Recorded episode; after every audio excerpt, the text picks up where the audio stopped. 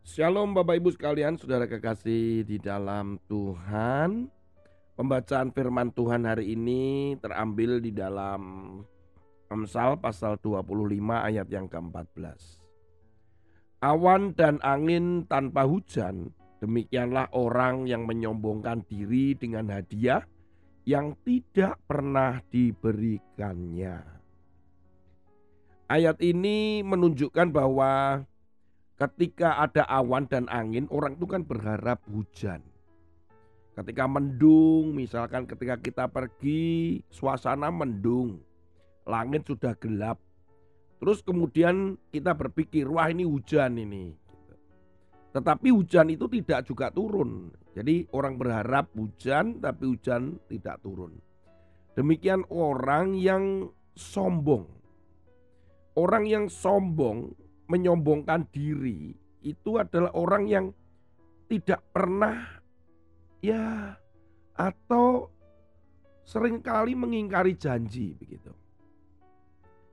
Saudara, dalam beberapa waktu pelayanan yang lalu saya juga diingatkan oleh seorang gembala ya. Dia berkata gini, Pak Tony jangan berharap pada orang-orang kaya gitu. Kalau dia janji apa-apa, dia menjanjikan ini itu ya jangan pernah percayalah.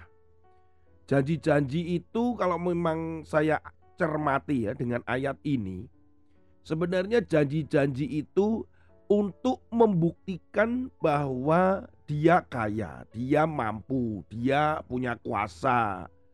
Dia itu punya pengalaman. Jadi dia banyak janji. Udah nanti saya uruskan.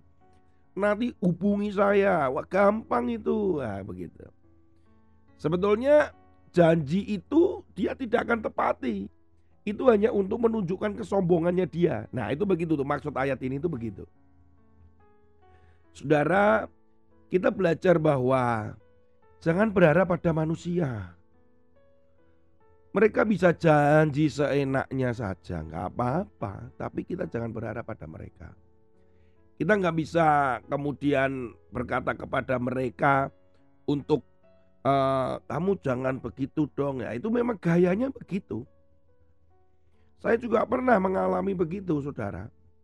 Wah, janji dari airport, dari airport, ketemu di bandara. Kemudian kami di transit di kota yang sama. Pemberangkatan ketemu, eh aduh, minta nomor rekening. Saat saya transfer nomor rekening begini. Kemudian sampai di pesawat. Kemudian waktu turun bersama-sama kita turun. Oh iya ini saya mau cari ATM. Ketika saya mau berangkat lagi berbeda kota dengan dia. Waduh saya lupa. Tidak sempat tadi. Saudara ya ujung-ujungnya sampai hari ini nggak pernah ada. Saya juga pernah dibawa oleh seorang pengusaha ke satu kota lah ya saya nggak sebutin nanti karena ini bisa membawa namanya dia juga. Di sebuah kota dia tunjukkan Pak Tony ini kami punya tanah sekian, tolong uh, dengan timnya Bapak buat shelter di sini, anak kebutuhan khusus. Bisa ada tempat olahraganya, ada futsalnya. Kebetulan kota itu tempat di mana kami juga sering kunjungan ke penjara anak. Wah, kami punya mimpi nih. Wah, ini dibuat begini nih asramanya, anak-anak bisa ditampung di sini.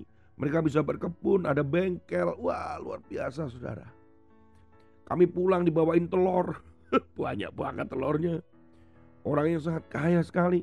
Ketika kami makan sama-sama di sebuah tempat makan, dia membisikkan sesuatu ke saya. Pak Tony kalau ada apa-apa hubungi saya Pak. Haleluya. Enggak pernah ada. Enggak pernah. Nggak pernah terwujud tempat itu, nggak pernah ada shelter itu. Tapi kami jadi punya kesan, wih orang ini kaya ya, ini orang ini punya pengaruh ya, wah orang ini begini ya, wah. Atau mungkin dia hanya ingin menunjukkan bahwa dia adalah orang yang berpengaruh dan kaya. Maka sinkron tuh dengan ayat ini. Saudara Saul itu adalah orang yang juga sombong.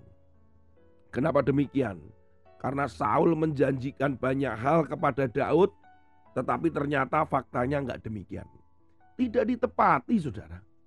Ketika Saul itu menjanjikan orang yang mengalahkan Goliat itu mendapatkan kekayaan. kemudian akan menjadi menantu daripada Saul, kemudian juga bebas pajak. Tapi mana? Apa yang tertulis dalam 1 Samuel pasal 17 ayat 25 mana? Kekayaan. Daud tetap miskin waktu setelah mengalahkan Goliat bahkan dia ada di kerajaan, ada di istana. Anak mana? Anak yang pertama daripada Saul, Merab, itu yang dijanjikan malah diberikan kepada Adriel orang Mehola. Kan itu mestinya untuk Daud. Waduh. Kemudian juga apa namanya banyak hal yang diingkari oleh Saul. Saul ini hanya menunjukkan kesombongannya bahwa dia punya kuasa, saudara. Bebas pajak, nggak dijelasin juga bebas pajak seperti apa. Saudara, mari kita itu hati-hati ya. Hati-hati. Kalau ada orang berjanji kepada saudara, jangan bersandar berharap kepada orang. Bersandarlah kepada Allah. Firman Tuhan katakan, terkutuklah orang yang bersandar dan bergantung kepada manusia. Tapi bergantunglah orang itu kepada Allah semata. Jangan bergantung pada manusia. Manusia mengecewakan. Dan mereka sering kali mengingkari janji. Tapi janji Tuhan selalu tergenapi ya dan amin. Penggenapan-penggenapan janji Tuhan terjadi hari-hari ini. Tuhan Yesus memberkati, saudara juga jangan sembarangan membuat janji-janji buat orang lain. Dalam nama Tuhan Yesus, haleluya, semangat senantiasa, amin.